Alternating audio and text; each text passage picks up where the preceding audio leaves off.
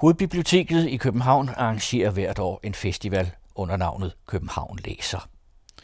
Og her i år foregik den i begyndelsen af marts, og flere litteraturpersonligheder blev sat stævne dels på Hovedbiblioteket, dels i det Kongelige Biblioteks store sal. Og årets tema var grænseløs litteratur og manifest, som her forenes i en litteratursalon om den russiske revolution med forfatter og ekspert i russisk litteratur Mette Dalsgaard i samtale med journalist Claus Rothstein. Og det er Claus Rothstein, der byder velkommen i februarkulden. Velkommen til, siger jeg. Vi som sidder heroppe øh, ved den der store vinduesrude her, vi har sådan lidt kuldefald i nakken. Fordi det er jo meget passende sibirisk kulde med det. Jeg kan også se, at der er en enkelt øh, pelshue i publikum her. Det ser meget autentisk og russisk ud. Jeg håber, I kan holde varmen. Vi har fået lidt varm te heroppe i hvert fald. I løbet af den øh, næste times tid skal Mette og jeg tale om interessante sager, men vi har ikke nogen slagplan. Vi har ikke øh, besluttet på nogen måde, hvor vi øh, kommer til at bevæge os hen, så alt kan ske. Jeg sætter min lid til, at øh, Mette ved, hvad der er værd at vide. Og min opgave er så at øh, stille nogle spørgsmål til dig, Mette, der får dig til at fortælle.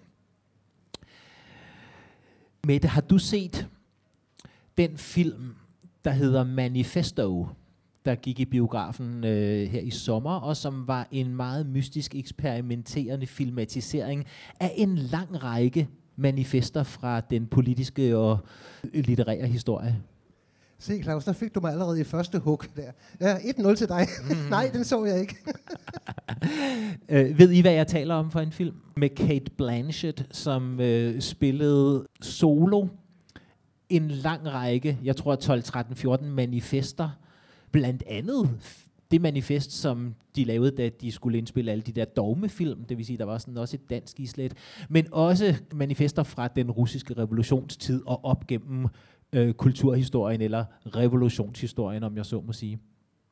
Jeg så filmen, og øh, den forvirrede mig helt utrolig meget. Jeg fik et kolossalt svimmelhedsanfald under filmen, og jeg troede, det var, fordi den var så mærkelig og eksperimenterende. Men det viste sig, at jeg var blevet ramt af det, der hedder krystalsyge, som er et øh, svimmelhedsanfald, man kan få, hvis man bøjer sig ned og er så uheldig, at en af de krystaller, der øh, justerer vores balanceevne, falder ud. Øh, men man bliver god igen, men det kan godt tage lidt tid. Det jeg prøver at sige, det er, konfronteret med alle disse manifesters mangfoldighed, så følte jeg mig helt svimmel og troede, jeg havde fået en fysisk reaktion på det. Fordi manifester jo vender lidt op og ned på vores forestillinger om, hvordan tingene var engang, og hvordan de så forventes at skulle manifestere sig fremover, hvis manifestet bliver realiseret. Så jeg vil gerne begynde med øh, manifestbegrebet, når nu det også er overskriften for København Læser. Hvad er det første, du tænker på, når du hører ordet manifest? Ja, se. Det spørgsmål fik jeg jo stillet, da jeg blev inviteret til at komme her. Så derfor har jeg jo heldigvis haft mulighed for at allerede at tænke lidt over det.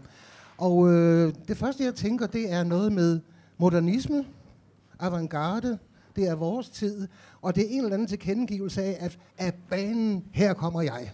Altså, ud med jer andre, ind med mig. Det tror jeg, det var nogenlunde sådan, jeg formulerede mig på den der, det der spørgeskema.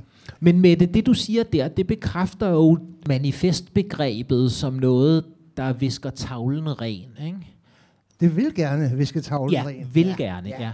Og jeg skrev for, øh, for øvrigt også i mit svar, at øh, manifester kan være rigtig udmærkede. Altså, de kan sådan nogle glimrende knager, som man kan hænge, altså med sådan en lille øh, en overskrift, hvor man kan hænge sådan litteraturens etapper op på, og så kan man orientere sig på den måde der. Ikke? Men øh, det, som jeg så erfarede i min egen tid, da jeg begyndte at, at læse russisk litteratur og blive fascineret af den, det var, at jamen altså, det er jo herligt med de her manifester.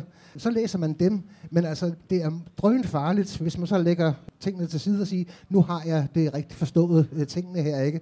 Fordi når man dykker nærmere ned i, hvad de der mennesker egentlig befatter sig med, og hvad det ud, hvordan det udtrykker sig på andre måder der, så kan man blive rigtig meget snydt af de der manifester. Så det er jo den der dobbelthed, der er ved dem. De er praktiske, men de kan altså også lede på vildspor. De kan være tvetydige? Nej, det, det, det, det bestræber de sig ikke på. Uh, altså, I hvert fald ikke de manifester, som jeg har fingrene i. Hvad er det så for vildspor, de kan føre altså, det, det er vildspor for os læsere, og for os der, som, som uh, gerne vil kende kunsten, som vil forstå digtene, som vil forstå der, at man er hele det der univers, som de der mennesker repræsenterer. Altså, øh, de russiske futurister, som jeg jo så har tænkt mig, at vi måske skal koncentrere os om i dag, de var jo altså øh, især dem, som er blevet... Øh, kendt for deres meget, meget grove og provokerende manifester. Altså en ørefin til den offentlige smag. Det var et af dem fra 1912, som gav genlyd, og som er blevet stående i litteraturhistorien. Bum, der var det, ikke? Sjask, her kommer vi. Så det er altså virkelig sådan et, en, en, en meget, meget grov provokation. Og en af dem, som skrev under, øh, er også meget kendt, og også blandt danskere, Vladimir Majakovski Øh, og han passede på mange måder fint til øh, altså det der. Det var også ham, der var med til at formulere de der meget, meget øh, voldsomme øh, vendinger der, som de brugte. Men når man så læser mandens digte, og får at vide der, hvor øh, romantisk han var, og hvor forel, hvordan han forelskede sig, og hvordan ulykkelig han blev, og så slet ikke at forglemme det, altså, at han faktisk tog sig et dage som 37-årig ved at skyde sig en kugle på panden af alle de ulykker, der ramlede. Så siger man, hov, altså, hvad, hvad blev der af ham der, øh, bullerbassen der med, øh, med alt det der store brøl? Men, men det er vel fordi, der er et... Øh modsætningsforhold i formsprog mellem poesi på den ene side, eller hvad det måtte være for et øh, æstetisk udtryk, og så manifestet på den anden side, som vel også godt kan have et øh, absolut et kunstnerisk udtryk, men som har det der, som du kalder det bombastiske i sig. Men er det ikke meget fint så, at øh, folk, der har meldt sig under et manifests faner i deres kunstneriske udtryk, ikke nødvendigvis skriver, så de lyder som et manifest, som paroler, men kan være poetiske på en helt anden måde? Jeg synes absolut, det er fint. Altså, som jeg siger, jeg, jeg går ind for manifester, jeg kan lide dem. Men øh, det er jo det, som man opdager med kunsten, at den lader sig aldrig nogensinde spærre inde. At den vil altid altså, bryde igennem der, selv det, som, som ophavsmanden selv der øh, erklærer, at man vil med sin kunst. Ikke? Altså, hvis vi nu går tilbage i tiden med, med manifesterne, øh, altså mit kendskab til det, det er så fra øh, slutningen af 1800-tallet, altså der, hvor den der russiske sølvalder, den øh, kommer frem. Og der har vi jo så talt om nogle, øh, dengang, altså meget, meget unge fusentaster, ikke også, som øh, syntes, at det, der foregik på Parnasset der, det var stivbenet, og nu skulle der ske noget nyt. Og, nu, og så så de sig rundt omkring der, hvad sker der i Europa? Det var så symbolismen, der var øh, fremme der, og så noget må vi også have. Og så gik de jo så i gang med at også altså, skrive en slags erklæringer, programerklæringer, kredoer osv. osv. Men det er så morsomt at sammenligne øh, tonen fra slutningen af 1800-tallet og så begyndelsen af øh, 1900-tallet, hvor futuristerne kommer på banen. Fordi der var der allerede sådan ligesom gået en slags inflation i det. Altså det ene manifest der øh, kommer frem, hov, det, det næste som var på banen der, så må de ligesom byde over, og så øh, sker det, altså det eskalerer der, og så, øh, jamen altså op gennem 20'erne der, så bliver de jo ved, altså også efter de der futurister der, med at blive mere og mere øh, firkantet, og mere og mere højrystet, mere og mere råbende, indtil de så fik, alle sammen fik mundkåb på, men det er jo så øh, den russiske historie. Absolut, fordi den politiske historie, den øh, kan jo ikke, øh, eller lad mig sige, den litterære historie kan ikke adskilles fra den politiske udvikling, øh, hvilket vi også kommer tilbage til. De tre bøger, der ligger her foran dig her, det er en, en, en, en trilogi, du har skrevet, en russisk øh, kulturhistorie. Lad os blive som solen, den russiske sølvalder. Vi er jo vant til at tale om den danske guldalder. Her taler du om den russiske Ja, vi har sølvalder. også en russisk guldalder. Øh, og det er jo så, når vi begynder med i begyndelsen af 1800-tallet, mm. med Pushkin, Lermontov og de store øh, romantiske digter.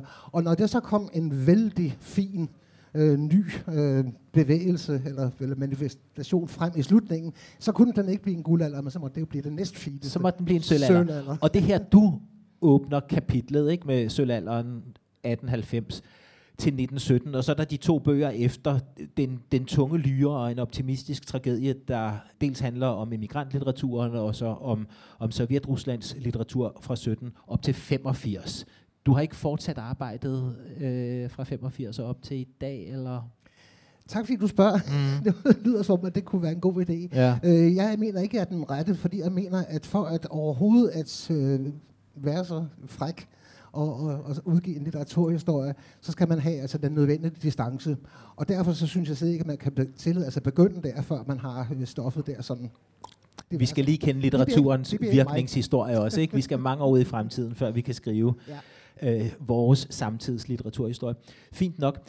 Men, men Mette Dalsgaard, de der tre bind, den russiske litteraturhistorie, som, øh, som du har skrevet, hvad er sådan manifestlitteraturens status i russisk litteratur? Har den sådan en, en gennemgående rolle? Hvor tit ser man det dukke op, at grupper samler sig om det, du før kaldte kredoer, eller øh, noget, der minder om det, fordi man kan jo kalde det så mange ting, programerklæringer, eller hvad ved jeg, men det fordrer lidt en gruppedannelse, ikke? Akkurat. Og det er også øh, derfor, at min litteraturhistorie netop begynder samtidig med, at manifesterne begynder. Og det er også derfor, det er fristende at sige, at det er lige før, at manifester er synonym med øh, modernisme. Øh, der er en øh, russisk litteraturhistoriker, altså, som har fremhævet, at vi kan i virkeligheden aldrig rigtig blive enige om, hvad modernisme er. Så der er så en forslag om, at vi kunne sige, at øh, modernisme der er defineret ved, at man, kunstnerne skriver så vanskeligt, så der, man er nødt til at komme med en eller anden slags brugsanvisning, for at de overhovedet kan forstå, hvor det er, vi er på vej hen. Og det er, ja, øh, lidt om det er der. Jeg vil, jeg vil ikke skrive under på den, men altså, det er bare et eksempel på, øh, at, øh, hvordan man skal forholde sig til modernismen, og at der er ingen tvivl om, at der er en sammenhæng mellem manifester og moderne tid. Øh, I før, i før i tiden, altså Puskin og Lermontov og alle de andre gutter der fra guldalderen, de sad skam også og gjorde sig tanker om, hvad, hvad, det, hvad det hele skulle være. Men altså, det blev ikke til på samme måde der til sådan nogle kollektive erklæringer eller programerklæringer. Og det hænger så også sammen med øh, distributionsformen. Altså, øh, der var nogle tidsskrifter, og der indleverede man sine værker til, og så var det redaktørerne, der bestemte, hvad der sådan skulle, skulle være overskrifterne. Når vi så kommer hen til slutningen af 1800-tallet, jamen så, blev, så var distributionsformerne anderledes, og det, det skal vi ikke komme ind på. Men i hvert fald, der blev altså en konkurrence om at få fat på en eller anden platform. Og når man havde en platform, så skulle man naturligvis retfærdiggøre den derved, at vi som er her, vi er mm, de nye, og kom og køb, ja, ren og skal bare lige øh, øh, kommercialisme selvfølgelig, noget af det. Øh, og så øh, bekæmper vi de andre der på deres egen, andre platforme. Og det er jo sådan set altså, litteraturbilledet, som, som øh, hører med til, til moderne tid. Og så ligger der vel også en... Øh, jeg sagde før, det fordrer lidt en gruppedannelse, ikke? At, at formulere et credo eller bekende sig til et manifest. Men så ligger der jo også noget identitetsproduktion i det. Altså, vi er dem, der mener det. Vi er dem, der kalder til kulturkamp under det og det manifest. Og så kan man tilslutte sig, øh, eller blive inviteret ind. Og så har man pludselig en status eller en identitet. Man tilhører en gruppe, så der er også en social dimension i det, tænker jeg. Ja, øh, social og social, jo, det kan vi godt sige. Altså, for så vidt som en gruppe altid vil være, øh, være social. Men øh, for mit eget vedkommende, så er det, var det faktisk, mens jeg skrev min litteraturhistorie, at jeg opdagede, hvor utrolig vigtigt det er at have nogle modstandere. Ja. Øh, og hele det her øh, midterste bind om den tunge lyre, at det hedder Den tunge lyre, og som handler om øh, emigrantlitteraturen. Jamen, der er en eller anden øh, tragedie over de der mennesker, som blev fordrevet fra Rusland, og hvad, hvad skal de nu gøre? Øh, og man sidder og tænker, hov, hov, øh, hvad, hvad er det, der er så sørgeligt? Det kan jo det, det fortsatte med at skrive, det fortsatte med at udgive, men det var løsrevet fra hele det der litterære øh, kredsløb, som ellers ville have været det, det naturlige for dem. Og så i mangel på kredsløb, jamen så sad de, nogle af dem, altså der var to øh, fyre der, en der hed Radashevich og en der hed Adamovic, det behøver jeg ikke at huske, som øh, blev forbitrede fjender, og blev ved og blev ved og blev ved med at bekæmpe hinanden, og den ene holdt fast på en øh, kunstteori, og den anden holdt fast på en anden, og sådan fortsatte det. Og dybest set var de vist egentlig ikke uenige, men det var altså så nødvendigt, at, ident- øh, at markere sig i forhold til noget andet. Så det gjorde de så øh, fortvivlet, øh, så, så godt det kunne. Det synes jeg var en øjenåbner for mig, da jeg, øh, da jeg stødte på det fænomen. Ja, fordi hvis ikke man kan definere sig selv som moderne, eller som det nye, op mod noget andet, der har været der før, så bliver det måske lidt svært. Altså, vi er noget i kraft af vores modsætninger, eller det vi gerne vil afløse. Ja, absolut. Jo, men altså se nu selv også, hvordan det foregår i dag. Øh, altså hvordan litteraturen... Altså alle øh, farer jo rundt hen med mikrofonen og siger, og finder det nye, det nye. Hvad er nyt hos dig? Og hvis en, en forfatter sætter ned, jeg synes egentlig ikke, det er særlig nyt. Øh, det, det her der, det, det kunne man også sige der for 10 år siden. Og jeg synes, at jamen, så er journalisten er ikke så vanvittigt interesseret, og læserne synes heller ikke, det er meget, meget vigtigt at springe på. Så altså på en eller anden måde, så er man nødt til, når man melder sig i det offentlige rum, at, øh, jamen, at sige, her kommer jeg, og, og jeg har altså noget, som øh, ingen andre har haft. Mm. Så er det jo så det, at i vores dage, så er det ikke så tydeligt, øh, som det var der i, i, i modernismens øh, begyndelse, at man skal høre til en gruppe. Det, det er ligesom, at det er glædet ud. Det ved jeg ikke hvorfor, men det kan du måske. hvis, man kigger, hvis man kigger på den danske modernisme ikke? Mm-hmm. i litteraturen, som bryder igennem der i slutningen af 60'erne, øh, så bliver den jo nærmest formuleret og repræsenteret af en enkelt mand, nemlig Claus Rifbjerg. Ikke? Yes. Øh, der er slet ikke behøver at formulere et manifest, fordi hans forfatterskab er bare manifestet. Hans tilstedeværelse i offentligheden er manifestet. Men så går der jo, øh, jo ikke meget mere end mandens minde, altså en 40 år eller noget i den retning, hvor han stadig er i litteraturen hele tiden. Men i løbet af de årtier bliver han jo også skiftet ud. Altså han holder jo naturligvis op med at repræsentere det moderne uanset hvor meget han bliver ikke, ved med at ikke, skrive. Ikke, hvis han selv skulle sige det. Nej, nej, men han kan ikke sige mig imod i dag. Men det er jo sandt nok, at der altid kommer en ny generation, der repræsenterer det unge ja. og det moderne. Ja. Og så er det jo spørgsmålet er, altså om denne øh, unge generation altså føler, at de har en, en, en, en lille flok omkring sig, og føler trang til at marchere frem i sluttet trop, og, og erobre en eller anden platform, og på den måde øh, øh, ja, altså blive en, et, et, inter, interessante for, for, for den tid, de lever i. Det, ja. det, er jo, det er jo det, som det meget gælder om.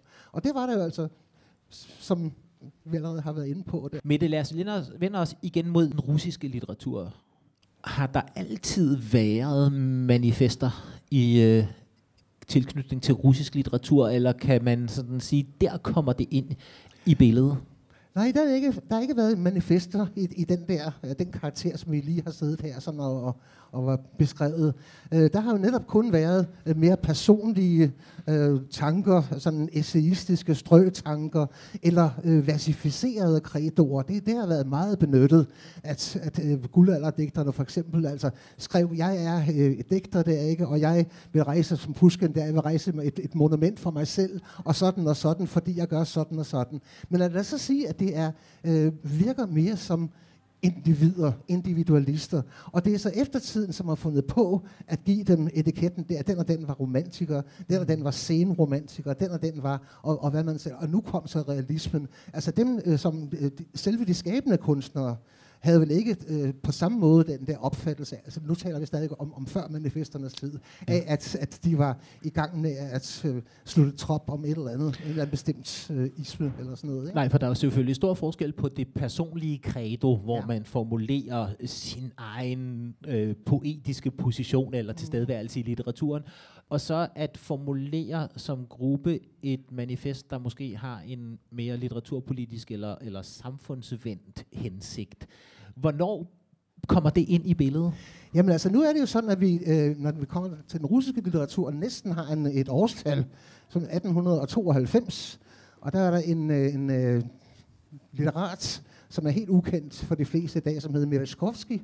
men han skrev en lang, lang smøre, undskyld, det lyder ikke pænt, han skrev en, et, et langt angreb på øh, den hidtil litteratur og talte om det farlige billede af Tolstoj bag ploven. Altså, dermed mente han, at alt den der, hele den der idé, alle de idéer om, at litteraturen skulle være nytte, gøre nytte, at den skulle være øh, træde i, altså i, på en eller anden øh, fremskridtets vogn. Og det var altså alt det der, som det, navnet den sene Tolstoy stod for. Og så kom han med erklæringen om, at nej, øh, kunsten skulle absolut være unytte, den skulle være skøn, den skulle gennembryde øh, sfærerne, og den skulle være metafysisk, og vi skulle genfinde altså herligheden og skønheden. Altså. Så og det kan vi jo så andre så sige, at jamen okay, det, det var egentlig en tilbagevenden til romantikken, sådan set, ikke?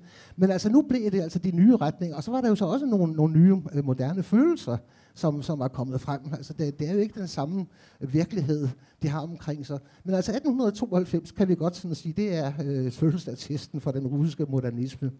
så er der nogle interessante, rigtig interessante ting. Fordi så dukker, i begyndelsen så havde de, kaldte de sig for de dekadenterne. Og det, ikke, synes, det, ikke, det skulle ikke være noget, man skulle prale af, at man er dekadent. Men det var det altså. Det var, det var spændende. Og det hænger jo sammen med øh, jugendstilen, som man kender, den der skøn virke, med en masse roser og damer, der flyder, og håret, der er arabesk, og jeg ved ikke hvad det er. Og det, jamen det, det var ikke spor flove over, at, at de var dekadente. Så der var altså kommet manifester om øh, dekadencen. Men det, var ved at sige, der, det var så, at så var der en, øh, jeg har lyst til at tale om ham nu, en meget øh, kontrær guds tysker, som hed Max Nordau, som øh, sad der og havde et meget, meget altså fjendtligt forhold til alle de her nye, dekadente rørelser. Og han øh, talte så om, øh, at det var sygt, ja, Entartung, ja. Og det er jo ikke et begreb, som er blevet øh, genbrugt øh, af, i det tyske område der. Ikke? Ja. Altså at det her nye her, det var entartet. Og så kom han altså frem der med alt mulige øh, sygdomssymptomer. Og en af de ting, som han fremhævede, det var, det er sygt, sagde han, at folk de slutter sig sammen i kollektiver, fordi øh, kunstens sande væsen, dens egentlige natur, det er et dybt individuelt personligt anlæggende. Så det var hans stempel på øh, kollektivisme sådan, og, og fælles erklæringer. Den, er, den, er, den har jeg altid synes var spændende at gumle lidt på. Og bekræfter jo også din jagttagelse om det der med, at man er noget i modsætning til det, man kritiserer eller gerne vil, vil afløse, så at sige. Men du siger, at manifester er karakteriseret ved modernisme og avantgarde, men findes der ikke nogen... Øh, jeg var lige ved at sige reaktionære, eller i hvert fald konservative manifester, fordi det bevarende vil jo ligesom også gerne forsvare sin egen position. Der var masser af kritik af, af, af de nye øh, folk, som, som øh, massede sig frem. Øh, og det blev hængt ud, øh, og det blev gjort til grin. Men altså, der var ikke på en sådan måde, der, sådan, så nogen følte, at, at de var nødt til at, at, at gøre fælles front. Altså der sad sådan nogle øh, veletablerede kritikere navne rundt omkring, altså de, ved de store tidsskrifter, og, i deres, og de brugte en hel masse krudt derpå med egen navnsnævnelse, at hænge det og det ud og gøre grin med det og det. Men altså ikke øh, på en sådan måde, som du siger, der, at, at, at man skulle have fundet på det at sige, nu vil vi de... Mm, hvad skal vi kalde os der, fælles gør, øh, nedgøre øh, eller fordømme det og det. Sådan var det ikke.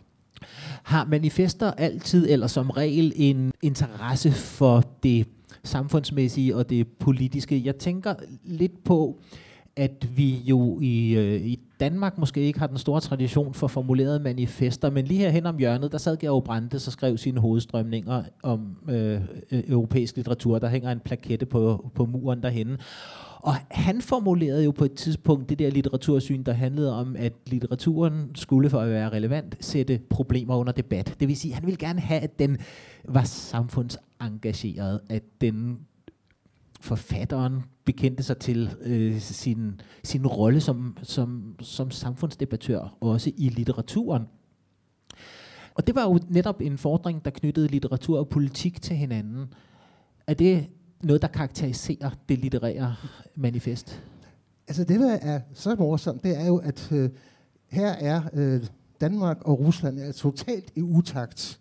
Altså det der med øh, problemer under debat og den samfundsengagerede litteratur, som øh, hedder, knytter sig til det moderne gennembrud i Danmark. Det var jo det, der foregik i Rusland der i midten af århundredet, eller i hvert fald sådan lige omkring der.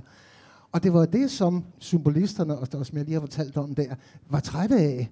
De synes ikke, at litteraturens fornemmeste opgave, det var at debattere. Nej, det var noget meget, meget højere. Det var noget helligt. Det var noget, ja, altså næsten, altså det var noget mystisk. Og det var der, man ville bevæge hen. Øh, så, så det tog man afstand fra. Og så har vi jo så i virkeligheden altså en lang periode der, hvor øh, alle de russiske ismer, de afløser hinanden. Øh, om futuristerne, kan man sige, de er venstreorienterede. Øh, de erklærer sig for på revolutionens side. De støttede øh, Lenin de, og bolsjevikerne. De øh, jublede, da øh, oktoberrevolutionen den, øh, gik sin gang der. Øh, og de var helt overbevist om, at øh, det, som de øh, gik og foretog sig der, det var fremtidens kunst, og det, som øh, skulle nu til, til at, at, at, at gælde og, og, at træde i, i, ja, i folkets tjeneste. Og der tog de så sørgeligt fejl. Og det er jo så det, som er symbolsk markeres, kan man sige, derved, da, da Majakovski skød sig denne kugle for panden der. Så var det slut med den illusion. Fordi nu kom der helt, helt, helt andre boller på suppen. Men med det, når, når, når symbolisterne ligesom kaster den samfundsvendte litteratur fra sig, og søger det ophøjet, som du siger, at, at det er muligt, var jeg lige ved at sige. Altså, hvad, hvad er konsekvensen for en litteratur, der øh, er så avantgarde i sin selvopfattelse, at den nærmest vender, vender ryggen til den virkelighed, den også er en del af? Sjovt for vende ryggen til. Der er jo et udtryk, som altid bruges i den sammenhæng. Man taler om kunstens elfenbenstårn. Mm. Ja. Og det øh, handler jo så om, altså det er et meget velkendt fænomen, at den her øh, ophøjede, ja, halvgeniale person, som stiger op og, og er, øh, sidder i nogle helt andre sfære, alt mens øh, verden den går sin gang nedenunder, den der beskidte og grimme og alt muligt andet, og har sine ophøjede tanker. Og det er jo øh, et billede der, som, som man forkaster øh, rask væk, indtil man måske begynder sådan at tænke sig lidt om igen, der, altså, øh, hvad, hvad kunst nu også er. Øh, og hvornår gør man det? Altså tænker sig samtidig. lidt om igen? Ah, samtidig. Jamen, det er det, som morsomt. Altså, ja. Det er det, som jeg beskriver i min, i min uh, litteraturhistorie. At knap nok havde symbolisterne etableret sig, og havde fået ørerne lyd, og havde fået deres uh, eget tidsskrift. Det fik et, et, et, et, der hed Vægten i 1904, og var altså, men er virkelig på alle slæber, altså det, de, de førende, avantgarde kunne man kalde det. Så begynder det allerede at erodere indefra og fra siden, og, og, og, og falde sammen, og, og det tvivler på sig selv, og, og det er allerede i, i opløsning. Så det er sig sådan en eller anden underlig, øh, meget, meget, meget smuk og interessant øh, boble, som, som ikke øh, som svæver over vandene, og som, som, som bevægelse betragtet. Altså. altså noget helt andet er, at, at der altså var digtere, altså hvis vi nævner sådan en som Alexander Blok, som øh, skrev digte, som øh, man læser den dag i dag, og som gør indtryk. Og øh, selvfølgelig, altså det er jo ikke fordi, altså, kunsten forsvinder, men altså, nu taler vi altså om muligheden altså, for at, at øh, agere som en bevægelse. Ikke? Det, det, det holdt sig ikke så, så længe egentlig. Men bevægelser, der knytter sig til et manifest, som nogle avantgarde-digtere bekender sig til, er jo også noget helt andet end en formaliseret struktur. Altså, det er jo ikke et politisk parti. Mm-hmm. Det er ikke en organisation, man øh, nødvendigvis betaler kontingent til at stille op til øh, formandsvalg i og den slags. Vel, det har vel i, i sagens natur en helt anden løs struktur at det er jo, øh, som jeg tror nok, jeg har prøvet at sige før, mm. altså på en og samme tid, altså noget øh, luftigt, teoretisk, øh, noget der, og så højst konkret i det samme øjeblik gælder om at, øh, at få sig en platform, altså at få et tidsskrift, der kan udkomme på, at finde et forlag, at øh, tjene sig dagen og, og vejen der, mm. altså som end der også, det, det er da heller ikke øh, helt uvigtigt. Altså ganske vist har har der jo været tradition i Rusland for, at øh, i hvert fald til at begynde med, at de mennesker, som, som skrev, altså de, de havde penge med hjemmefra, altså de skulle ikke, de skulle ikke leve af det. Men altså efterhånden, som vi kommer når moderne tid, jamen så, så begynder forfatter, forfatterier også på en eller anden måde, der skulle være et levebrød. Øh, og så, så, så, så kommer der nogle nye øh, nødvendige ting frem der. Ikke? Så vi har, altså, det er dobbelt, prøver jeg på at sige. Ja. Du nævnte uh, Alexander Blok, som du siger, skriver digte, der læses endnu i dag. Jeg ved ikke, om det er sådan en romantisk forestilling om, at russerne bærer deres litteraturhistorie meget tættere på kroppen, uh, og meget tættere på, på bevidstheden, end, end vi bærer vores litteraturhistorie med os. Men jeg har bare sådan en forestilling om, at de, de kan læse, de kan recitere, de kan huske deres digtere, øh, de ærer dem meget mere, end vi gør vores. Er det sådan, at øh, symbolisterne bliver læst endnu i dag, eller at øh, alle dele af litteraturhistorien hele tiden holdes ved lige den russiske bevidsthed? Ikke alle symbolister. Altså, der er nogle stykker, som Alexander Blok, der stadigvæk altså er en lysende stjerne på firmamentet. Øh, jeg vil sige, at deres um- umiddelbare efterfølgere, altså den nye retning, som sagde, at banen her kommer vi, øh, som hed Akmeisterne, Øh, og det var sådan nogen som Akhmatova, og det var Orsip Mandelstam, og Nikolaj Gumilyov. Og på en eller anden måde så er det lykkedes for dem meget, meget, meget bedre at blive øh, en varig øh, del af, af ja, kanon simpelthen. Ikke? Så, så det her, de har slået mere an. Altså det betyder jo så ikke, at, at de andre er glemt. Altså en ting, som er meget karakteristisk for, for, for den, det russiske litterære liv, det er, at øh, de steder, hvor man skriver om litteraturen, jamen altså hver eneste gang, altså Norge siger der for eksempel uværligt øh, artikler om en eller anden, et eller andet KFA, en, en, som har haft 100 års jubilæum der fra fødslen, eller 100 års jubilæum fra til død, eller 150, eller 25, eller 130 år. Det her vi burde lukke en futurist. Også skæve øh, jubilæer som 130 år. Det er, ja. det er en god anledning. Det er ja. i hvert fald, og det er der igen og igen. Når du så spørger om, mm, ja, altså om russerne har litteraturen tættere øh, på sig eller andet, så er det jo et kæmpe spørgsmål, som bestemt ikke er nemt at svare. Altså jeg vil, man ville have sagt i sovjettiden stadigvæk, at jo, russerne der, det bliver i meget, meget høj grad, altså har en meget, meget fin øh, litterær øh, dannelse. I skolerne, det er rigtigt, man lærte at recitere øh, lange, lange digte udenad. Man skulle kunne sin Pushkin, man skulle kunne sin Majakovski i hvert fald, og helst noget mere. Og øh, alt det der, som vi også husker, øh, nogle af os, som øh, øh husker det, med øh, metrostationerne og, og de lange, lange togture der, ikke? hvor folk de stod og læste op ad trapperne der, og så videre, så videre. Der, og så sagde Vesten altid, øj, og det var så misundeligt, hvor er de altså bare, altså sikkert de kan og alt noget andet. Og øh, så, længe, så langt så godt, men øh, så er det jo så, øh, at øh, Sovjetstyret bryder sammen, og øh, kommunismen den er ude af sagaen, og nu kommer markedet, og den vilde kapitalisme. Og hvad sker der så? Jamen så lige pludselig der, så er der jo øh, alt muligt der, man kan øh, interesseres for. Og russerne der, de har mindst lige så travlt med deres mobiltelefoner og, og, og, og spillene og alle de der ting og sager, som, som vi andre har der, ikke? Så altså spørgsmålet er, altså, om den der tradition, der har været, øh, om den kan siges at, at stadigvæk være der. Det, det er jeg ikke så sikker på. For når de står og sidder der i metroen med deres iPhone, så er det ja, ikke ja. fordi, de læser Pushkin nødvendigvis. Nogen gør måske. Ja. Øh, det, det, kunne, det kunne da tænkes. Ja. Men altså, jeg, jeg har ikke gennem... Øh, der er nogen, som studerer de der ting der, og som ved mere om det. Mm. Altså om det der sådan læ, læsningens sociologi. Men altså, vi kan godt sådan vinke lidt farvel til den der... Ja. Øh, den der øh, idé, som, som var der engang. Bortset ja. fra, at øh, jeg har da været oplevet, at øh, og det er ikke så mange år siden, hvor jeg skulle rejse med toget, og, og skulle finde noget læsning. Og så kiggede jeg lige der i kiosken der, hvad der var. Og så, ja, så blev jeg jo ret rørt, fordi så kan man købe sådan nogle minibøger der med uh, Pushkin eller Akhmatova der til at stoppe i baglommen hernede på rejsen der. Mm. Det, det, det, det er da lidt anderledes. Tænk, hvis man kunne købe Andersen og Johannes V. Jensen eller den slags mm, på, på hovedbanegården. Det tror jeg ikke rigtigt, man nej, kan vel? på den nej, måde. Nej. nej, så der er stadigvæk lidt. Ja. Nå, du nævnte jubilæerne der. Og øh, sidste år var det jo et jubilæumsår, den russiske revolution. Oh ja. Ja. Ikke sandt? Som jeg tror egentlig på mange måder blev markeret mere som et 100-års jubilæum uden for øh, Rusland end, end i Rusland. Men øh, ikke desto mindre, det øh, blev jo markeret.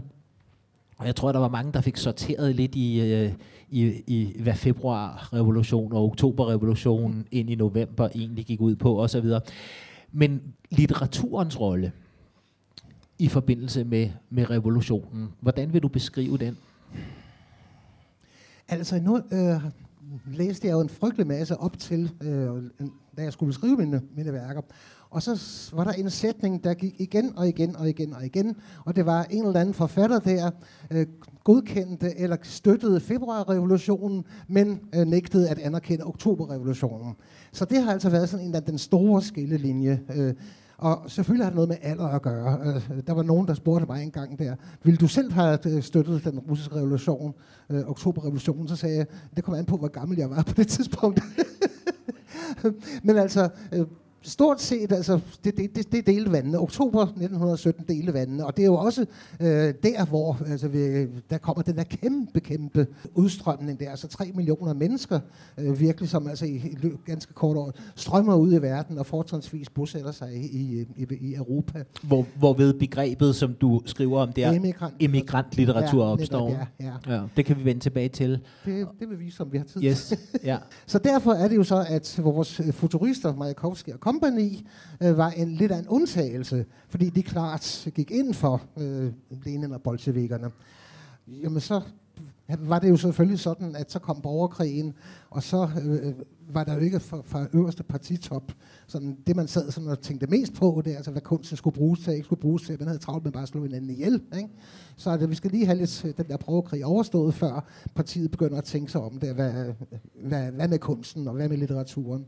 Og der, jamen der var det jo så, at der boldrede de jo så stadigvæk, og der, det myldrede jo frem, altså det var jo det, det accelererede alt de der ismer, ikke? Altså vi har imaginisme, og vi har Oberiu, og vi har, øh, jamen jeg kan se, kunstens venstre flanke og front og bum, og de brr, konstruktivisme og så videre, så videre, så videre der, ikke? Og der var et kakofoni af, af, af alle mulige der, som, som havde travlt med at, øh, jamen altså, Europa revolutionen og sige, det er vores revolution, ikke? Altså nu, nu, nu er det vores tur, ikke? Og, og så druknede det, det hele jo i og for sig der i, i, i ballade og stridigheder og, mm indtil Kreml synes, at nu måtte vi vist til at få lidt orden på det her. Pengene, ikke? Altså, det var jo mm. også det. Hvem skal, hvem skal have kulturstøtte? Så hvis vi lige går ned af en af bifloderne, eller hovedfloderne, som du skriver om i den tunge lyre, så det er jo emigrantlitteraturen. Altså, at den politiske virkelighed, der herver, den har konsekvenser for en type forfattere, som bliver tvunget i eksil eller søger i eksil, hvilket sætter sig spor i litteraturen. Mm-hmm. Og altså det med at skrive fra et eksil, et påtvunget eksil, det altså, kender vi jo tilbage til de allertidligste øh, øh, litterære kilder, fordi mennesket altid har haft, som du siger, de havde travlt med at slå hinanden ihjel, og mennesket har altid haft en forbløffende evne til at fordrive hinanden, og det er vi stadig ret dygtige til. Og det skaber jo litterære strømninger ofte. Hvad er det, der øh, karakteriserer det begreb, man kalder immigrantlitteraturen? Altså bortset fra den der øh, stakkels fejde, som jeg øh, var inde på før, der med øh, en Adamovic der, som hævdede, at der var noget, der hed Parisertonen, og, og det var der nogle andre, der sagde, nej, det er der ikke noget, der hedder. Jamen så er det helt sikkert, at øh, nogen de klarede sig, og nogen bukkede under. Ja. Og der er to store øh, russere der, som altså henholdsvis bukkede under og, og klarede sig. Den ene, Marina Tsvetaeva, øh, som blev en øh, ulykkelig og ensom, en, en fordreven i, i øh, immigrationen. Altså det er rent og forfærdeligt og tragisk med hendes skæbne. Men altså hendes spændende og, og fornyende poesi, det er øh, virkelig tilbage, øh, og det har vi stadigvæk. Så altså, hvis hun var en tragedie der, så har vi så også en, en anden der, virkelig, virkelig stor, og i mine øjne der, altså en af de helt store der, Vladimir Nabokov. Ja, nogen, nogen kalder ham Nabokov. Han, han hedder Nabokov, ja. Øh, så ved vi det, Nabokov. ja. ja. Øh, og han er så et eksempel der på, han, jamen altså, det er jo fuldkommen utroligt, Altså, hvordan han, nu, nu var han altså også adelig og, og, og, og højt begavet og, og havde sproglærer fra sin tidligste barndom, fra, øh, fransk og, og engelsk og nogenlunde til det der, så han, han kunne en masse. Men altså sådan en menneske der, som øh, er i stand til at skifte sprog og begynde øh, starte sit for, øh, forfatterskab forfra. Og, og hans romaner, der er øh, absolut ved at læse, og, og navnlig øh, vil jeg til hver en tid der sige, at der er en af dem, som hedder Pnin, og som handler om en russisk emigrant, hvor jeg synes altså, at den russiske øh, emigration og den russiske sjæl er samlet i sådan en lille øh, koncentreret perle af en roman. Og hvad siger du, den hedder? Pnin. Pnin? Pnin, ja. Hvad hedder den på dansk? Pnin. Den hedder Pnin på dansk. Godt oversat. Det, det er et ja. navn. Godt oversat, ja. øhm. Så altså okay, altså den uh, russiske immigration, uh, både tragedie, men altså også noget der, der er virkelig, virkelig uh, vellykket. Ja, vi kan også tage, måske, altså der, den immigration kom i flere bølger, uh, og den seneste bølge, der kom Josef Brodsky, som uh, jeg tror, du, du var med til at møde ham, ja. ja. så vidt jeg husker. Det er rigtigt, jeg har mødt ham. ja, da han slog sine folder her i byen, mm. der, ikke? og jo, Øh, og øh, jamen, det er så også et eksempel der på en, en, en, en mand, som øh, virkelig, virkelig altså på fornem vis har, har slået, øh, slået sig rødder der i, i fremmede jord, og har bedrevet noget, som, som er meget bemærkelsesværdigt. Han var i byen her i 1988 eller ja, noget i den retning. Ja. ja, kan du huske det? Det kan jeg godt. Han var, han var skidesur. Øhm. Han lavede skandale. Herbert Pundik har ovenikøbet skrevet øh, om det i, ja. i sine erindringer. Der. Altså, så, så, så slemt var det. Ja. Jeg kan faktisk huske, at der var et arrangement inde på politikken, hvor øh, han så blev bedt om at læse op af sin seneste digte, eller han blev bedt vist nok om at læse på engelsk. og øh, det ville han ikke. Han, øh, han sagde, at det kunne ikke lade sig gøre, fordi han havde ikke, han havde ikke bogen. Og så viste ville det så hverken være eller bedre, end at øh, umiddelbart inden hans besøg i Danmark, havde han været i England og havde været på en litteraturfestival et sted, hvor mine forældre havde været på besøg. Og de havde så købt hans seneste digtsamling og fået ham til at skrive i den. Så jeg har et signeret eksemplar. Og i min ungdommelige naivitet, så siger jeg, jamen jeg har bogen. Var det dig? Ja, det var mig. så han var nødt til at læse fra den, selvom han ikke øh, havde, havde lyst. Ja. Jeg kan ikke huske, hvordan Pundik altså, husker det, det var, i sine det var, det var mig, der oversatte hans digte, Ja. og han, han var overhovedet ikke sur på mig. Nej. Fordi jeg gik hen til ham, ved du jeg sagde det? Mm. ikke? Jeg sagde, goddag herr Blodski, jeg påstår ikke, at jeg kender øh, deres digte sådan særlig godt, men jeg kender og forstår deres baggrund. Jeg kender Akhmatova, jeg oversat Akhmatova, jeg kender Tsvetaeva, og mandens skulder sank ned, og det var lige før han smilede. Det var lige før han smilede, ja. Jeg har set en mindeplade for ham i Venedig. Jeg har set en mindeplade på det hus, hvor han blev født i... Øhm, øh, er han født i Ja, Leningrad? ja, ja. ja, ja. Øh, Men hvor voksede han op i han, af... I, han øh, voksede op i Leningrad.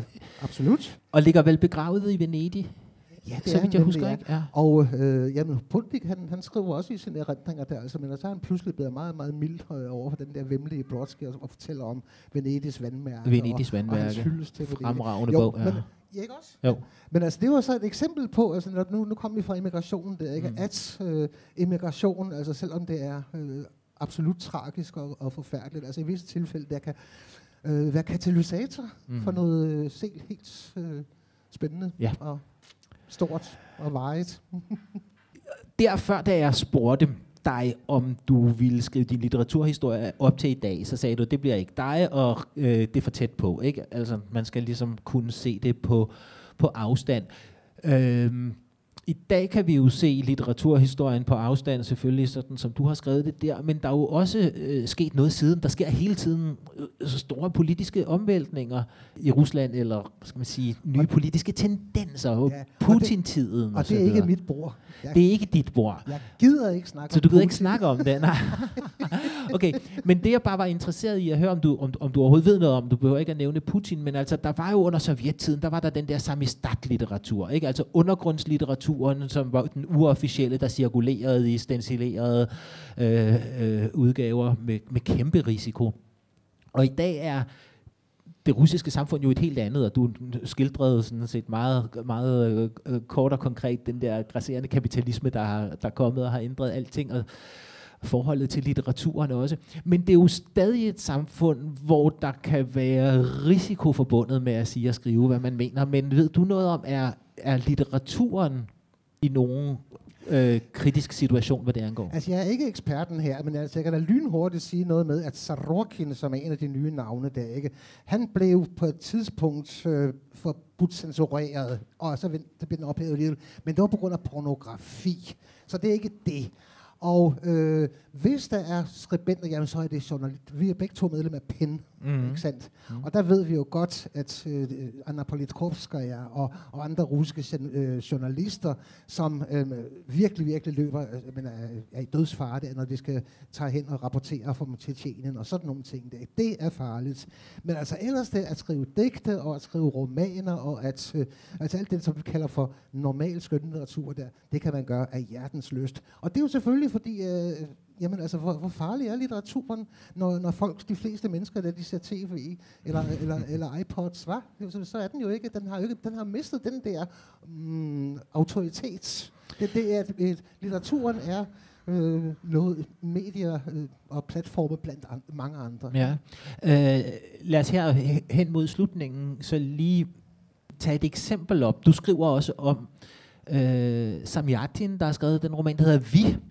Øh, Du kan lige rise ham, ham, ham op lige straks. Men grunden til, at jeg vil gerne vil tale om ham, det er, at den er jo faktisk udkommet på dansk her for få måneder siden. Så det vender jeg tilbage til. Men fortæl mig lige først, ham Samyatin, hvor er vi i tid, og hvem, hvem er han? 20'erne, ja.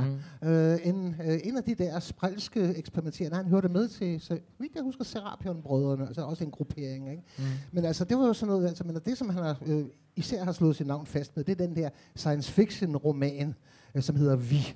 Øh, og som øh, er meget, meget dystopisk. Altså, når han ser for sig sådan et netop sådan et kollektivt øh, fremtid der, hvor individet der er altså reduceret til numre og så videre og så videre der, ikke? Og øh, han, øh, det er meget, meget spændende med hans skæbne, fordi han fik faktisk personlig øh, tilladelse til at emigrere. Ja. ja. Og det var ikke alle, der, der fik det. Men han slap ud, og så kom han til øh, England, og han øh, blev en, meget en engelsk gentleman. Og han har virkelig inspireret Huxley til Farver Nye Verden. Det var nemlig det, vi hen til. Fordi så vidt jeg forstår, så fik han lov til at emigrere, fordi han var skibsingeniør. Ja, altså udover at være forfatter, så han skulle også overvåge bygningen af noget for den ja, russiske marine, ja, ikke? Rigtigt, ja, eller sovjetiske marine, øh, på nogle værfter i England. Mm-hmm. Men blev så i England. Mm-hmm. Øhm, og du skildrer ham som den der øh, britiske gentleman, ja, han ja, ja. transformerede sig til. Og han skriver så den roman, der hedder Vi, som lige er udkommet på et nystiftet dansk øh, mikroforlag, der interesserer sig for science fiction litteratur. Mm.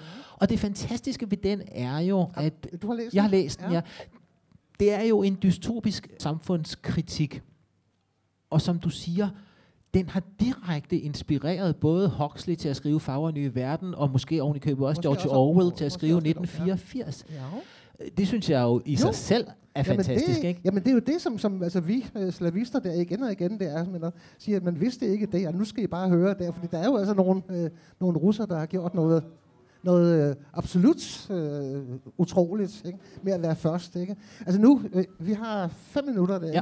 og så, så vil jeg nemlig sige, at øh, når man øh, tager det der store overblik, så synes man tit, at nå, jamen, det handler om, at først var der et eller andet, der foregik i øh, Vesten, altså i Frankrig eller i England, og så kom russerne og sagde, det skal vi også have, og så begyndte de hos sig der. Ikke? Øh, og så blev det jo øh, spændende og anderledes selvfølgelig der, ikke? men det er lige som om, at det hele tiden der, de, var, de, de kom sådan lidt halvt humpende efter de andre der. Ikke? Men der er altså nogle områder der, hvor russerne virkelig, virkelig har været helt fremme i skolen. Ikke? Og det hører så også til den her meget, meget spændende øh, periode der fra begyndelsen af, af, af 1900-tallet. Der er altså nogle sprogforskere, som øh, altså Sklovski og hvad de nu hedder alle sammen, og Roman Jakobsson, som øh, på en helt ny måde der øh, begyndte at analysere politi og lagde grunden til alt det, vi kalder, kender som strukturalisme. Og, så altså hvis man er litterat eller og semiotik, Joni Lortmann, og, og man kan blive ved det, ikke? Så hvis man altså er litteraturstuderende, prop for pokker der, ikke? Jo, det, det var, han, han, han lavede sådan en øh, eventyrs morfologi, altså med at lave sådan nogle inddel alle de der funktioner, der var i et eventyr, hvorved øh, man straks kan se, jamen, hvorfor alle eventyr altså, man er bygget over det samme, øh, det samme model. Så der var de altså virkelig, virkelig altså, man er banebrydende. Og øh, som sagt, det, altså, jeg vil anbefale alle, der kaster sig ud i litteraturstudium der, at gå direkte ned til dem, fordi man kan stadigvæk opdage nogle utrolige ting, som øh, de fandt på, de der russere derovre før revolutionen. Og selvom der, og det er også til anbefaling, i disse år på dansk udgives og nyoversættes en lang række af de store klassiske russiske forfattere, oh ja. så lyder der altså også en opfordring til dig om at øh, kigge nærmere på alt det, eller i hvert fald noget af alt det, som måske ikke lige i første omgang er inden for vores mainstream synsfelt, når vi taler om øh, russisk litteratur. Altså jeg kan jo kun sige som, som afsked her, mm. at øh, øh revolutionsjubilæet der, øh, 2017, var for mig der en, sådan en, en rigtig, rigtig god anledning til endelig at komme ud og tale om de ting, jeg har forstand på. Fordi jeg havde troet i sin tid, at nu vil der være interesse for den russiske sølvalder i Danmark. Nø, ikke rigtigt. Øh, hvis nogen vil høre noget, de vil høre om Dostojevski, og så vil de mm. høre om mm. Tolstoy. Og så vil de høre om Tolstoy, og bagefter om Dostojevski. og når de har hørt om det, så vil de gerne lige høre om Tolstoy til en afveksling. Og jeg ville så gerne en gang imellem der sådan, sådan have lov til at, at, øh, at, at øh, ja, agitere lidt for, for alt det der meget, meget, meget spændende. Der var, der var slet ikke plads til Turgenev og Pushkin, det er bare Tolstoy og Dostojevski. Det, det nej, Turgenev, ja. slet, nej, det har vi ikke ja, set. Slet, slet ikke, nej. nej, det, det lød lidt bittert, men altså, det, var, det var ikke meningen, men altså, det var i hvert fald dejligt at få lov til at, at, at, at reklamere lidt for de her skatte her.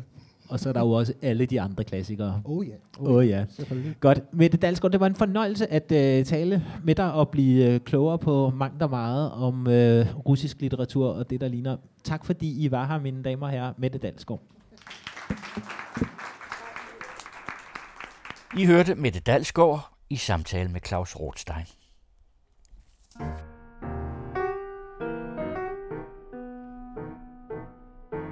Du lytter til den anden radio.